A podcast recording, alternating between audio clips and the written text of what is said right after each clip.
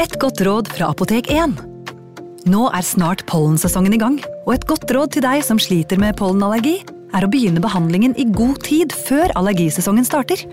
Da får du nemlig enda bedre effekt av legemidlene, og så blir ikke våren din helt ødelagt.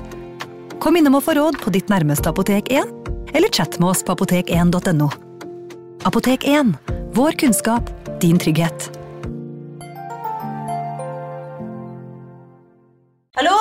Jeg kommer fra Oslo politikammer. Ine Jansen er purk. Er du purk? The motherfucking bitch. Alt jeg vil, er å finne ut hva som skjedde med mannen min. Jon Carew. Er jeg sikta for noe? Iben Akeli. Det er du. Ole So, Lars Berrum og Big Daddy Karsten. Hvem sin side er du på, egentlig? Anette Hoff, Tone Danielsen, Kommer du fra Afrika? Jørnis Josef, Nesten kløfta. Trond Espen Seim, Det er synd å si det, men det var feil mann som døde. Purk. Premiere tirsdag på TV2 Play. Ungsamtalen fra DNB er økonomisk veiledning tilpasset deg som er ung. Bokk en ungsamtale på dnb.no. slash ung. Det er kjempebra hvis du skal inn på boligmarkedet, hvis det er drømmen din, liksom. Det er det du skulle sagt. Og så kunne du ropt litt mer, da, sånn som jeg gjorde. Bam! Advarsel. Historiene vi forteller i denne podkasten, kan være fiktive og avvike fra den opprinnelige historien av dramaturgiske årsaker. Meninger og påstander i historiene reflekterer nødvendigvis ikke programledernes meninger eller virkeligheten.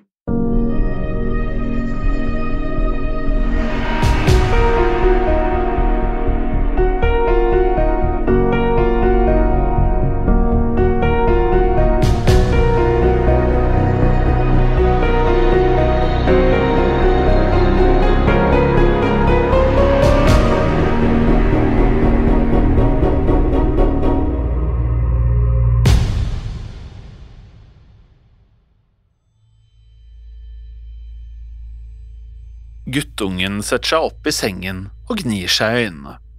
Jeg danser over soveromsgulvet hans med støvsugeren. Det ser ikke ut som han setter pris på de stilige bevegelsene mine. Pappa, kan du ikke vente litt med å støvsuge, klokken er bare åtte, mumler han til slutt. Absolutt ikke, det er vårrengjøring, vi skal gi dette huset en skikkelig makeover. Hvis du ikke vil støvsuge, kan du alltids hjelpe moren din med å sette inn i oppvaskmaskinen. Nei takk, bestemor, kan du hjelpe henne? Hun kan sove gjennom et jordskjelv, dessuten er hun gammel og stiv. Du er jo ung, frisk og du er full av energi. Kristoffer himler med øynene og trekker en pute over ørene sine. Jeg trykker på play på hodetelefonene mine, og musikken overdøver støvsugeren. Jeg går over gulvet en gang til og fjerner alle støvdotter jeg gikk glipp av første gang. Ferdig, sier jeg entusiastisk og ser mot Kristoffer. Du burde faktisk takke meg. Hadde det ikke vært for meg, ville det ligget støv og edderkoppegg overalt. Ok, sier Kristoffer og reiser seg. Jeg stikker ut en tur. Ha det. Jeg tørker svetten fra pannen og går i retning av trappen. På vei ned legger jeg merke til loftsluken i taket. Merkene går rundt hele det firkantede hullet. På gulvet, rett under luken, oppdager jeg også merker og skjønner at det stammer fra en stige. Den forrige eieren av huset hadde visstnok forseglet luken. Megleren fortalte at han hadde brukt mye tid der oppe. Da jeg hørte om dette på kontraktsmøtet, brydde jeg meg ikke nevneverdig. Men nå som jeg sto der, tenkte jeg at litt utforskning ikke kunne skade. Jeg henter en stol og begynner å hamre løs på panelet rundt luken. Treverket brytes lett av, og jeg får tak i stigen. Loftet er mørkt, bortsett fra lyset fra et lite vindu på den ene kortveggen. Til tross for at det er et lite loft, kjennes det finere ut enn jeg forventet. Jeg myser og ser at det er en del støv på gulvet. Rommet gir likevel inntrykk av at det en gang var godt vedlikeholdt. Jeg legger samtidig merke til at det ikke finnes noen insekter eller edderkopper der. Jeg drar telefonen opp av lommen og slår på lommelykten. En rusten arbeidsbenk står langs den ene langveggen og er dekket av notater og falmede illustrasjoner. Jeg går så nærmere for å undersøke. De fleste notatene ser ut til å være fra et sett med eksperimenter. Mye av skriften er uleselig, men jeg klarer å tyde noe av det. Unik indre anatomi og sosial struktur. Disse to setningene skiller seg ut blant de øvrige skribleriene. Jeg blar igjennom papirene, og noen av dem er så gamle at de smuldrer opp i hendene mine. Jeg tenker at den forrige eieren kanskje var en slags vitenskapsmann. Jeg lyser videre og ser gamle Post-It-lapper som systematisk er hengt opp langs veggen. Alle sirkler rundt én overskrift der det står Oppdagelser. Andre lapper henger under en liste med overskriften Utfordringer, og alle disse lappene er koblet sammen. Jeg leser høyt for meg selv fra et ark som henger mellom lappene. Alle relasjoner er permanent skadet. Videre samarbeid er umulig. Endelige mål kan ikke oppnås. På tide å pakke sammen og starte igjen et annet sted ved første mulighet. Jeg tar et steg tilbake og klør meg i hodet.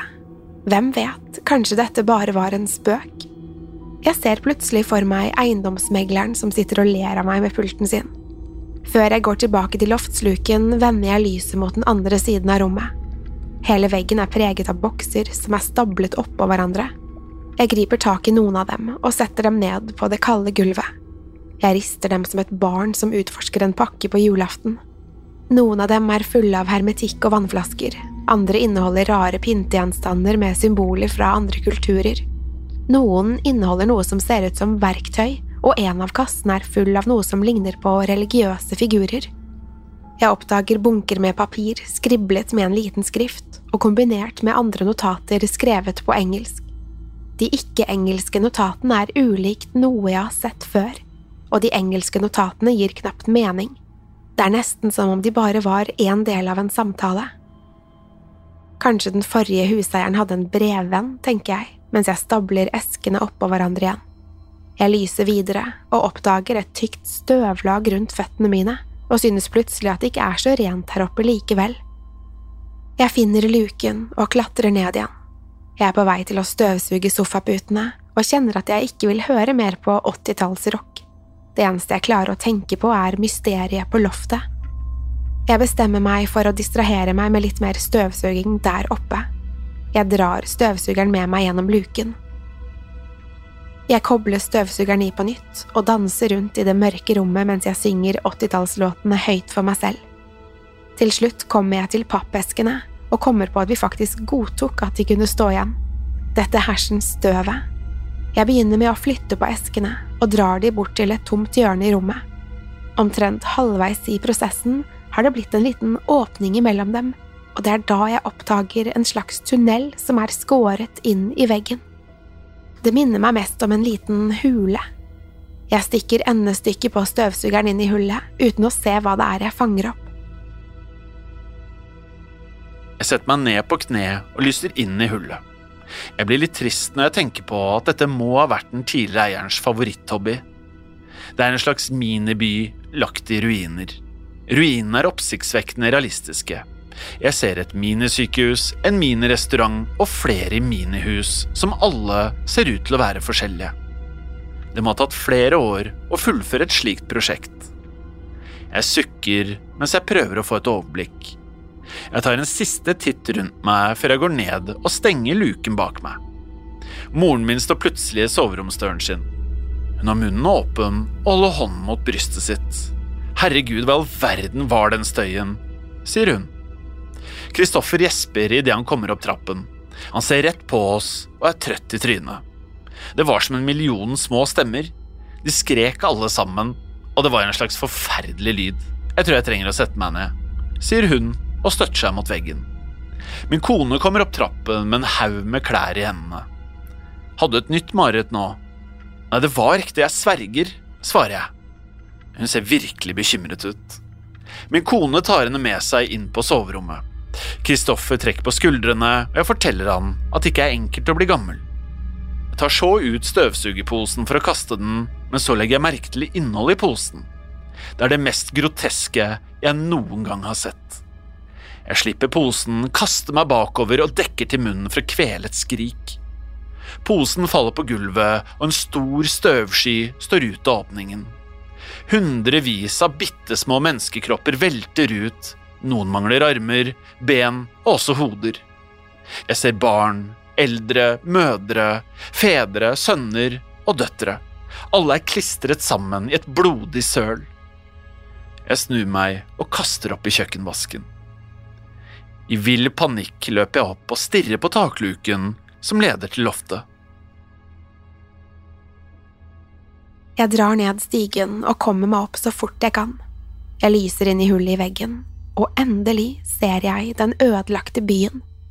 Ikke en eneste bygning står igjen, ikke en butikk eller en religiøs bygning. Ingen av skolene eller barnehagene.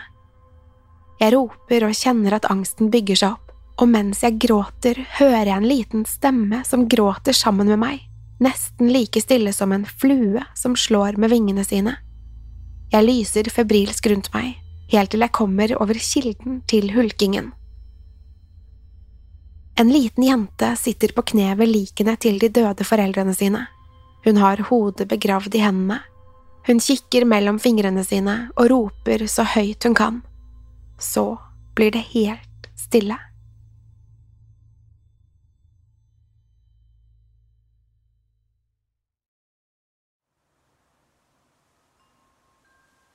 Sommeren 1986 var en uvanlig varm sommer. Jeg var ti år gammel, og kompisene mine og jeg gjorde ting ti år gamle gutter elsker å gjøre, som å svømme, sykle og spille enspretten.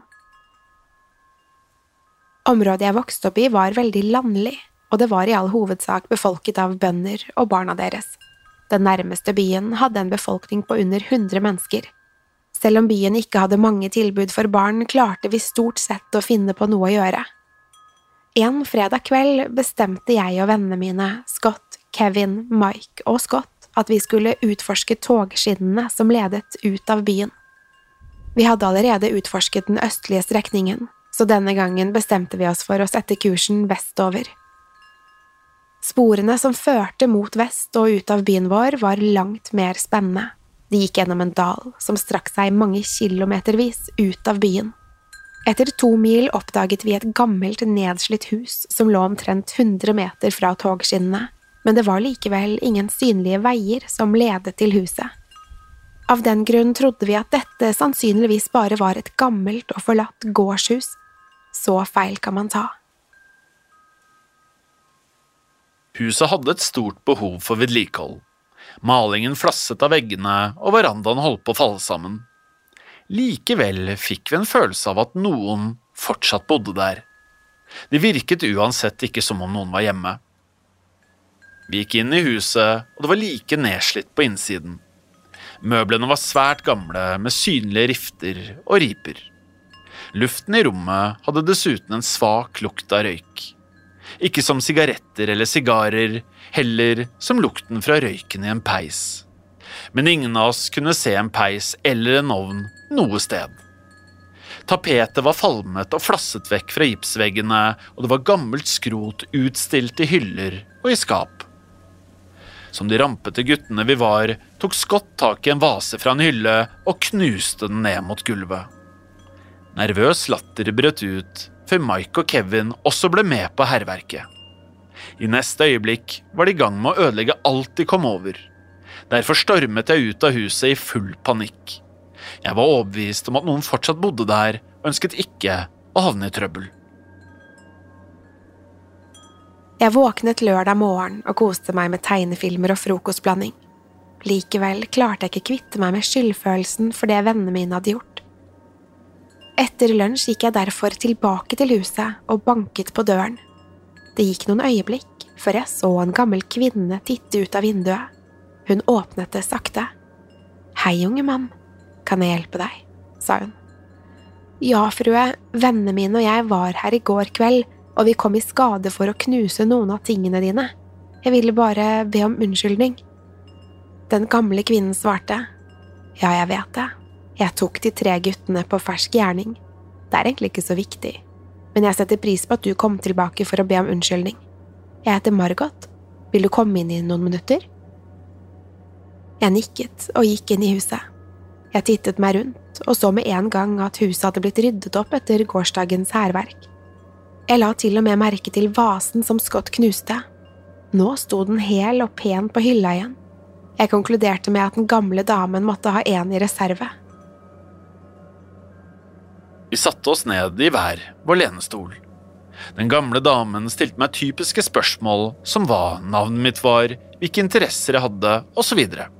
Vi fortsatte å småprate i noen minutter før hun stoppet opp og sa Nei, tenk at jeg helt kunne glemme det. Vil du ha saft og kaker? Naturligvis vil jeg det. Da hun reiste seg opp og gikk mot kjøkkenet, kom jeg plutselig på at jeg allerede var sent ute til ettermiddagens fotballkamp.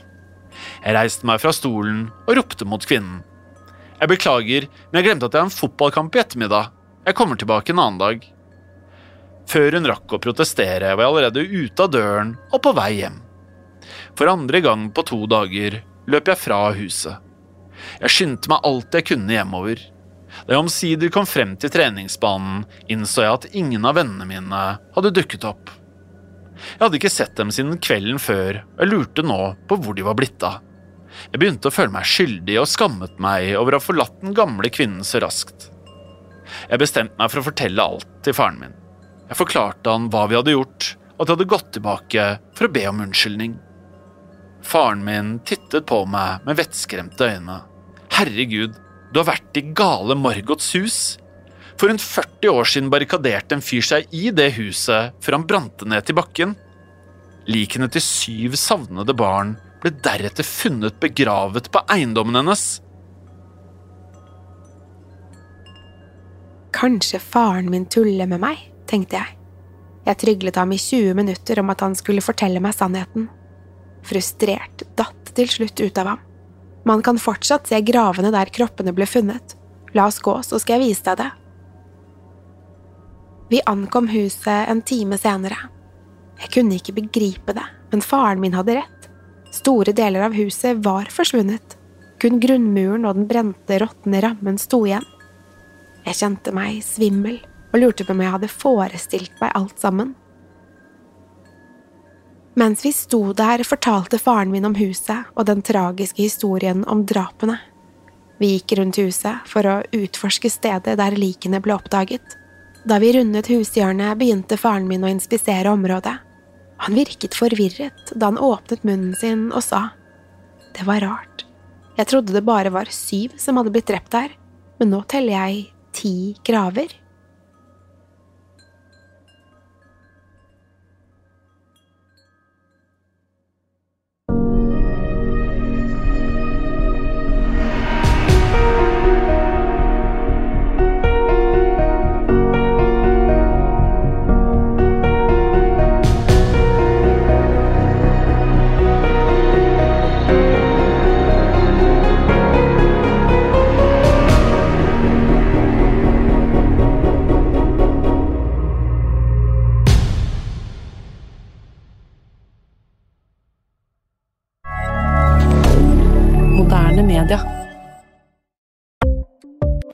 Ukens annonsør er Folio, en smartere banktjeneste for deg som har en egen bedrift eller ønsker å starte for deg selv.